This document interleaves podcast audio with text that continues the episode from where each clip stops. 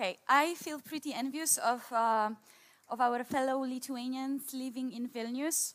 Uh, just imagine a decision maker whose favorite philosophers are Ludwig von Mises or Hoppe. Just imagine a libertarian in politics. I am very delighted to introduce to you um, the current mayor of Vilnius, who previously headed uh, Lithuanian Free Market Institute um, and was also serving as the Minister of Justice, Remigijus Šimašius. Please welcome.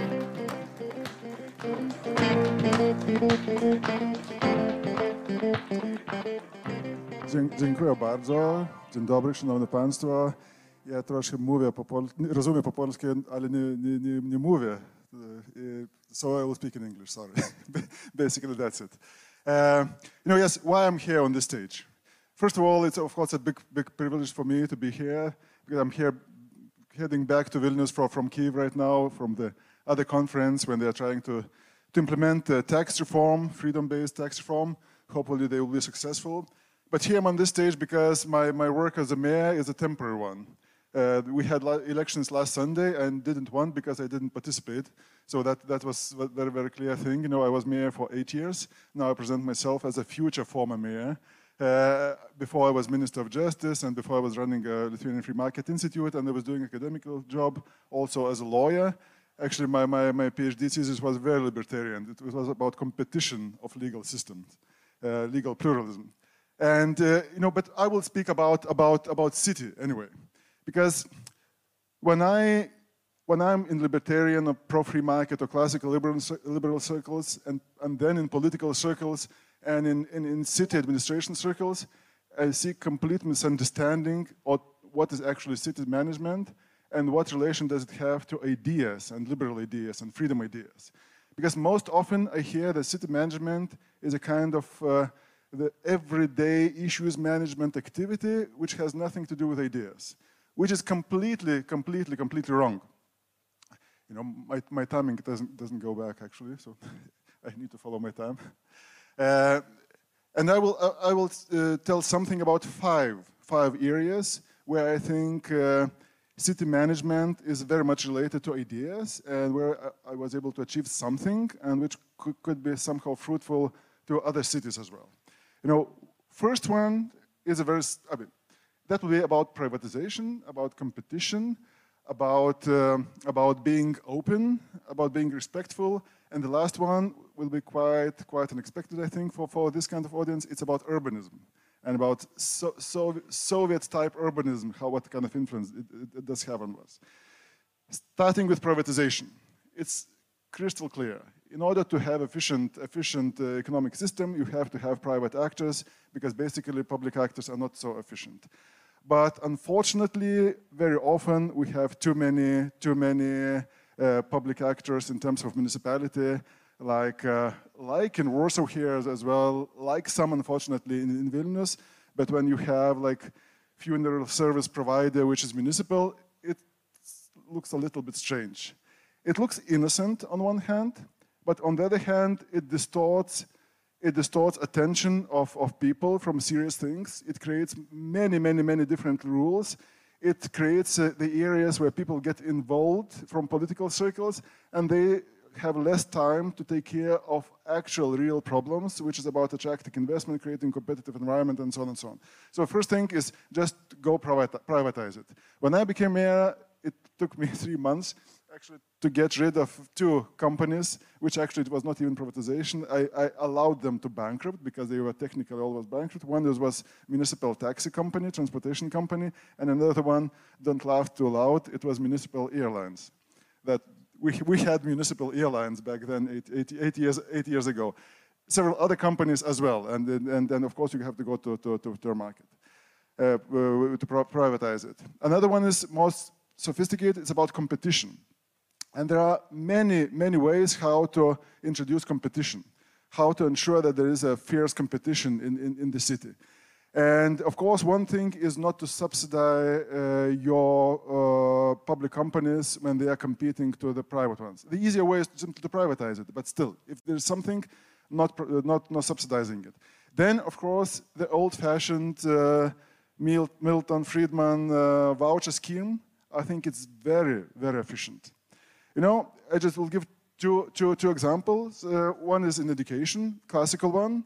I don't know, do you have it in, in, in Polish cities? But when we introduced it in Vilnius for kindergartens and schools, it worked very well because immediately, for example, for kindergartens, after having like uh, uh, almost 5,000 children which do not fit into, into kindergartens, immediately in one year we had almost zero because we introduced a voucher scheme where we provide even a little bit less than actually with all this capital investment uh, we provide, uh, typically it's provided for public ones, but immediately it created uh, additional supply and supply with a variety of services.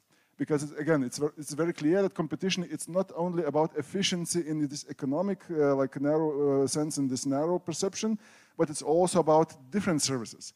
But it, because if you want to send your child to a kindergarten, there is no such service as kindergarten services. Because in some cases, you want your child to be more outdoors. In some cases, you want your child to be more uh, with like uh, computers. Uh, in some cases, you want to, uh, him or her to be more culturally educated, and so on and so on and so on. Different methodologies. So, of course, competition works very, very well in, in, in, in this case. Um, the other voucher scheme, which works perfectly, it's again, I'm very much surprised when, when mayors around the world, I see them, always top three topic is housing. Of course, most of you are quite young people, I see, and it's for young people to acquire a house in a big and growing city is a, is a challenge. That's, that's typically the case. But even, even, even when you go to this municipal housing, which is not, not, not, not, not, not very good thing to do, I think, when you go there, I mean, one approach is to build municipal houses, what 99% of all municipalities in the world are doing, and the other approach is what we are trying to do, and we, again, we provide vouchers to rent the flat in the market.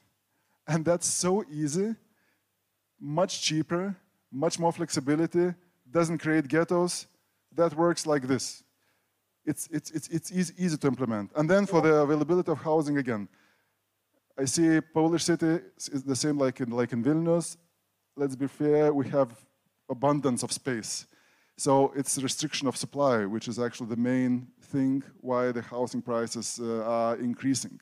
And in, in, in, our case, again, I'm very happy to, to say that you know, we are one of these rare, rare, rare, rare places when in the course of 10 years, let's say, our salaries uh, increased by, by 100%, but housing prices just by 70%, which is not very typical because as all, we all know, the housing uh, prices are typically more flexible than sa salaries, which means that, that they, are, they are increasing even more with economic growth. Okay, supply is, is, is the, the key issue, and this is also about competition. Then about being open. Again, uh, I'm proud when we had this, still, do you remember we had a debate about Uber, uh, and the Bolt was even not existing, about uh, allowing them into the cities and so on and so on, what services we should have to provide.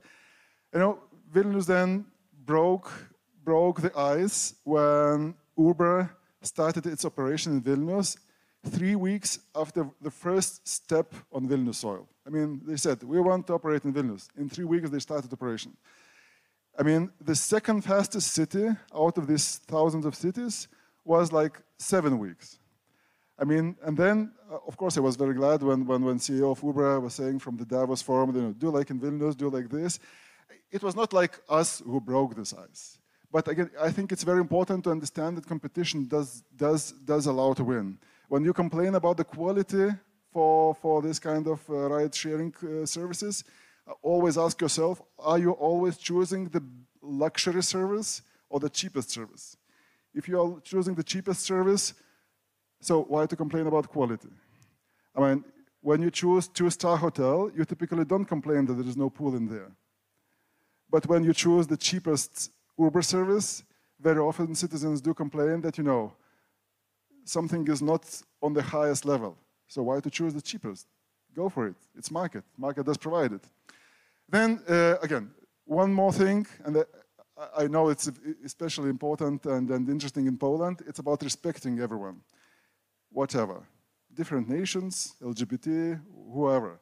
I, we can think that this is a kind of side activity but that is a problem for us when we think so.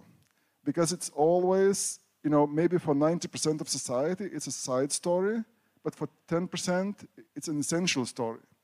And it's the way how humans think. They tend to, to think that, you know, it's, if it's not my problem, the problem doesn't exist. But this is not true.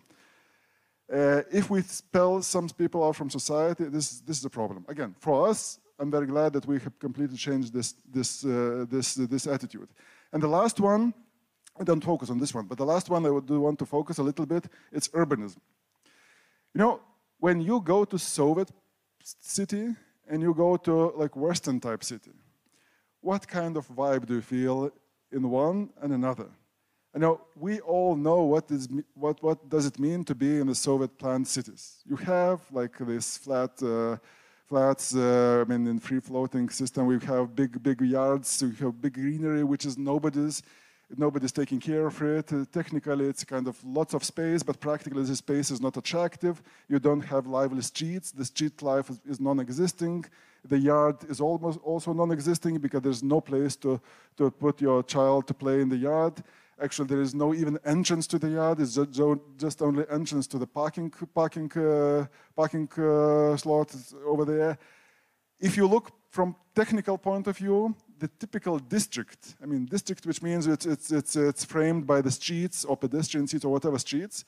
In in this part of, of, of Warsaw, for example, is typically not bigger than one hectare. Not bigger than one hectare. Guess what is the size of typical Soviet district? It's about seven, eight hectares. I mean, this is about mathematics and geometry, but this is also about the feeling. Because in order to feel well in the city, you have to have a very clear distinction what is public and what is private. The worst thing is to have semi-public, semi-private when you always try to externalize costs and internalize benefits. That's always the problem everywhere. And that's the problem in urbanism as well. If you have the situation where the territory is quite of public, but quite of mine, I mean, who is collecting garbage, who is cutting the grass, who is deciding about all these things, nobody understands it. When you have a clear line, like in the cities which were designed until the, begin, uh, until the uh, middle of, of 20th century, you have a very vibrant street life because the house is by the street, you have an entrance to the ground floor, you have uh, all, the, all kind of activities there, and you have a very calm, calm life inside the yard because it's not for the stranger to come into the yard if, if, if he or she is not invited. And it, it means that your children may play quite safely in there, and it's not for others even to see. And what Soviets did, they destroyed it completely. I mean, all this kind of Bauhaus, which is so popular uh, for, by, by European Commission, they call it New Bauhaus. Nobody understands what this means, New Bauhaus. But this Bauhaus is actually exactly the urban, uh, modernist urban planning, which was especially elaborated in, in, in Soviet Union and in, in, in Soviet system in order for people not to understand what is public and what is private. And again, for us, for me, being, being a classical liberal, I think that it is one of these most overlooked things because we all do understand that the area, the environment does, does make an impact on us as human beings. And when these surroundings are Sovietly planned, this is exactly what they wanted to do to us. They wanted to feel us like a common unit, uh, wash, washing out all the margins, what is private. And they were successful in this. And we are still not dealing with this. So the question is, I mean, I will not go into these urbanistic details, but I just wanted to point out that it's very important to deconstruct the Soviet thing and to reshape it and to have the cities uh, which, is, which, which, which were before this kind of modernistic, socialistic uh, approach, when they wanted to have a, a, collective life, but not a real, real collaboration between each other. When you have a plaza, you have a street, and you have your own home and, and yard, which is completely different stories about it. Or when you mismatch it, it's, it's, it's a disaster in the city. The same with, with, with separate buildings. I mean, I know it's a little bit better in Poland than in Lithuania and in, in former Soviet Union directly, but still, when you remember your kindergarten or your school, Do you remember the place where everybody was gathering, where you have possibility to talk to each other, like, uh, like in, in plazas in, in, in, in, in the cities? There was no such place. It was a small entrance and long corridors, and sometimes children were even forced to go along this, and it's still the same. I mean, it's not designed for people to collaborate and to have also a calm place to, to be. And again, I want to underline this type of uh, type of thing because you know, others, you know, others do speak about it, but but it's typically you have to be a libertarian mayor to to, to, to, to talk about this kind of urbanism reshaping. And again, I see very, some of very very good developments in, in, in many places, but basically we're still still forgetting and not paying enough attention to, to this. And again, uh, my time is going, go, going to an end. Uh, thank you for, for listening. Uh, I still left one minute for a question if you have some, so please do not hesitate to answer the question. Thank you for, for, for attention.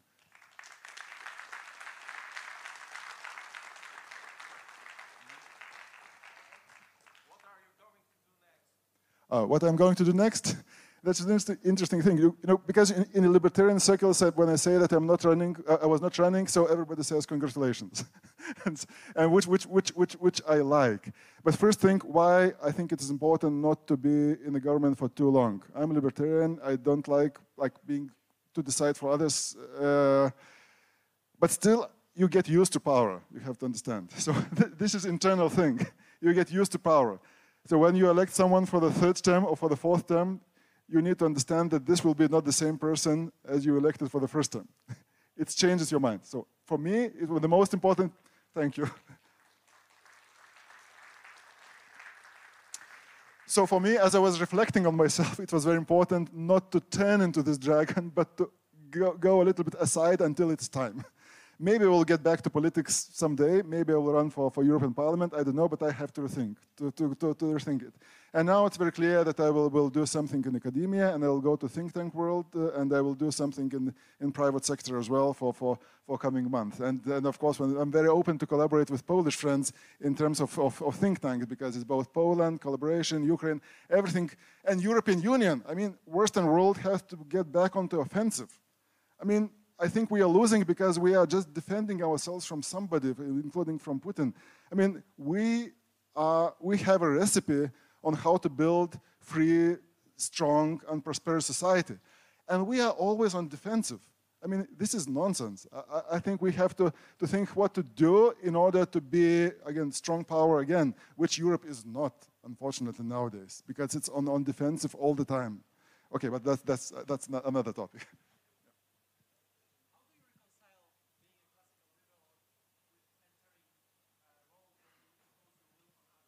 yeah, that's how to reconcile being a classical liberal when being in the role and reconcile the will of others. That's the question with no answer. you know, I, I, but there are even, even other questions like, you know, how, to, how you are liberal, but you are using public services. No, but okay, that, that's, but that, that, that is life, you know, that, that you have to deal somehow. And I think, you know, being very open, I feel very bad saying this because I'm in this still in this position of power, but, but uh, I, I, understood it when I was not in this position. Uh, I really like this uh, uh Italian author Marco Bassani, who is translator of Rothbard and so on and so on. And when 10 years ago, I heard him saying, you know, we libertarians know nothing about the state because we can explain how state is so inefficient, but also how it happens the state is dominating the world nowadays maybe something is wrong with our theory. And, okay, this is the problem, because I don't think that our theory is wrong, but something is wrong in application, understanding the limits of this, this theory. So, yeah, we have to do something. And, uh, and, uh, and I do agree with Anthony Fisher in saying that, you know, we have to persuade others. But I think, again, starting changing the world is all from yourself, but also you have to start from, from, from something. So this is, the, this is a very problematic question. Thank you for this. Uh, I, see zero, zero minutes left for me, so I have to run, leave the stage. Okay, thank you. I'll be around here for, for several minutes, so thank you so much.